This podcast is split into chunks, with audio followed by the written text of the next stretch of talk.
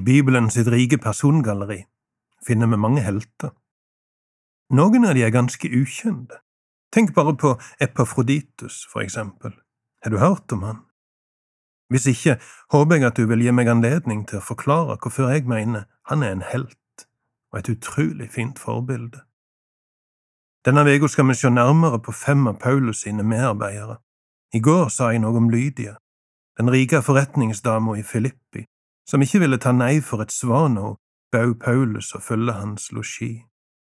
Det var et helt spesielt forhold mellom Paulus og de kristne i Filippi, et forhold preget av dype og gjensidige kjærlighet og takknemlighet. Flere ganger sendte menigheten i Filippi pengegaver til Paulus, så han skulle ha tid og overskudd til tjenesten for evangeliet, og slippe å arbeide som teltmager for å brødfø seg sjøl. Den siste av disse pengegavene kom mens Paulus hadde fengsla i Roma, og denne gangen gjorde de kristne i Filippi noe mer. De sendte en av sine egne, en mann som de trodde kunne være til hjelp og glede for Paulus der han satt i fengsel.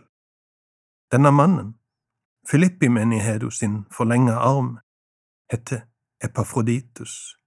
Han er en av Bibelen sine ukjente helter. Bare tenk på det. Det at Epafroditus i det hele tatt ville ta på seg denne oppgaven, tyder på mot og hengivenhet. Når han gikk inn i tjeneste for en som var fengsla, var det jo automatisk en viss fare for at han sjøl ville bli mistenkeliggjort, og kanskje lide samme skjebnen som Paulus. Epafroditus ble sjuk mens han var i Roma, og når han etter hvert ble bedre, fant Paulus det best å sende han hjem igjen til Filippi. Vi leser om dette i Filipperbrevet, kapittel 2, vers 25–30. Jeg har også funnet det nødvendig å sende Epafroditus tilbake til dere. Han er min bror, medarbeider og stridskamerat, og han var deres utsending, som skulle hjelpe meg med det jeg trengte. Han lengtet etter dere alle og var ute av seg fordi dere hadde hørt at han var blitt syk. Han var det også, alvorlig syk, ja, døden nær. Men Gud forbarmet seg, ikke bare over ham, men også over meg, så jeg ikke skulle få sorg på sorg. Derfor er jeg blitt enda mer ivrig etter å sende ham tilbake så dere kan glede dere av å se ham igjen, og jeg får en sorg mindre. Ta imot ham i Herrens navn med inderlig glede, og vis respekt for slike som ham. For det var i arbeidet for Kristus at han var døden nær, han satte livet på spill for å gi meg det som manglet i den hjelpen jeg fikk fra dere. Dette avsnittet er et rørende vitnesbyrd om den gjensidige kjærligheten og omtanken som preger forholdet mellom disse menneskene. Epafroditus sin sykdom hadde gjort folk urolige, men da han så hadde blitt frisk igjen, meldte det seg en ny uro. Han forsto nemlig at vennene hjemme i Filippi hadde fått nyss i at han var syk, og nå hadde han vondt av dem, fordi at de gikk og var urolige for han. De visste jo ikke at han hadde blitt frisk igjen. Og så går denne edle mannen der i Roma og pinest ved tanken på at vennene hjemme i Filippi engster seg unødig for han. Og Paulus deler denne uroen hans og lir med denne omtenksomme mannen, i hans uro for de hjemme som hadde sendt han til Roma. Og Paulus bestemmer at han vil sende Epafroditus hjem igjen, både for hans egen del, og sånn at de kristne i Filippi kan få se med sjølsyn at han var blitt frisk og slippe å uroe seg for han. Men dette reiser et nytt problem, for hvis nå Paulus sender i retur den mannen som de kristne i Filippi hadde sendt for å tjene han, kan jo det i verste fall vekke mistanke hos noen om at Paulus ikke var fornøyd med den hjelperen de hadde sendt, og nå hadde funnet et påskudd til å sende han hjem igjen. Vi ser derfor hvordan Paulus tar i bruk de sterkeste og mest ærefulle ord han kunne komme på, for å anbefale og rose Epafroditus, og gjøre det tindrende klart at ikke det var misnøye, men omsorg med han og filipperen som gjør at han nå sender mannen tilbake til deg. Han kaller han først bror, medarbeider og medstrider, før han tar fram to titler som klang enda sterkere for mottakerne av brevet. Han er dykkar utsending til meg, sier Paulus. Ordet han her bruker, er egentlig apostel, uten at Paulus dermed tilkjenner Pafroditus noen apostolisk myndighet, så han like fullt hedra mannen ved å omtale han med den mest ærefulle tittel som fantes blant kristne. Dessuten bruker han et annet ord for denne mannen, nemlig et helt spesielt begrep, som i datida sin kultur betegner en borger som i kjærlighet til sin by eller sitt land strekker seg langt og ofre mye til beste for landet.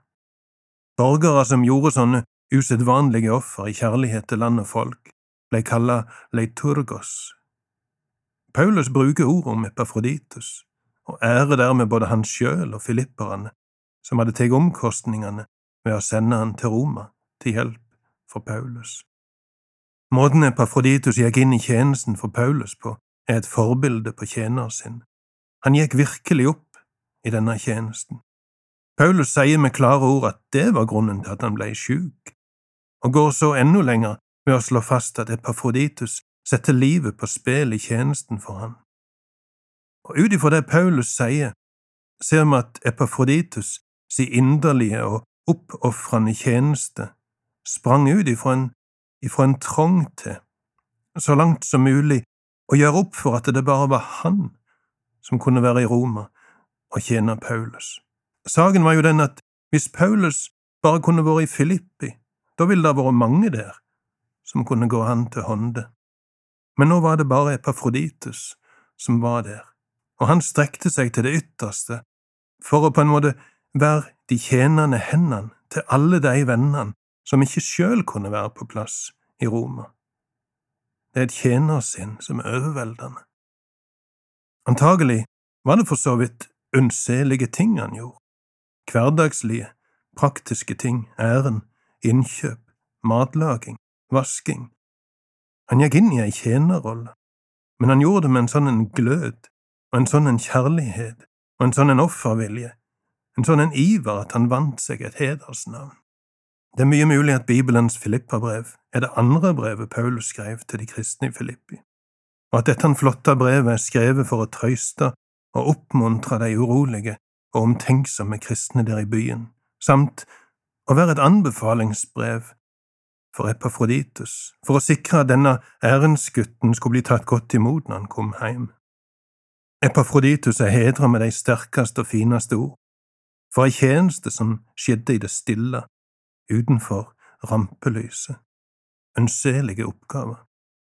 Men disse oppgavene ble utført med flid og truskap, og med glød og offervilje, og med et hjerte fullt av kjærlighet. Paulus la merke til det.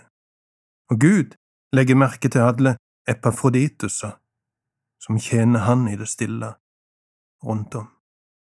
Epafroditus og jeg og du har ei tjeneste stor for Gud, fra dag til dag er det stille, der hverdagsklær vært høgtidsgrud og livsens småting så gilde.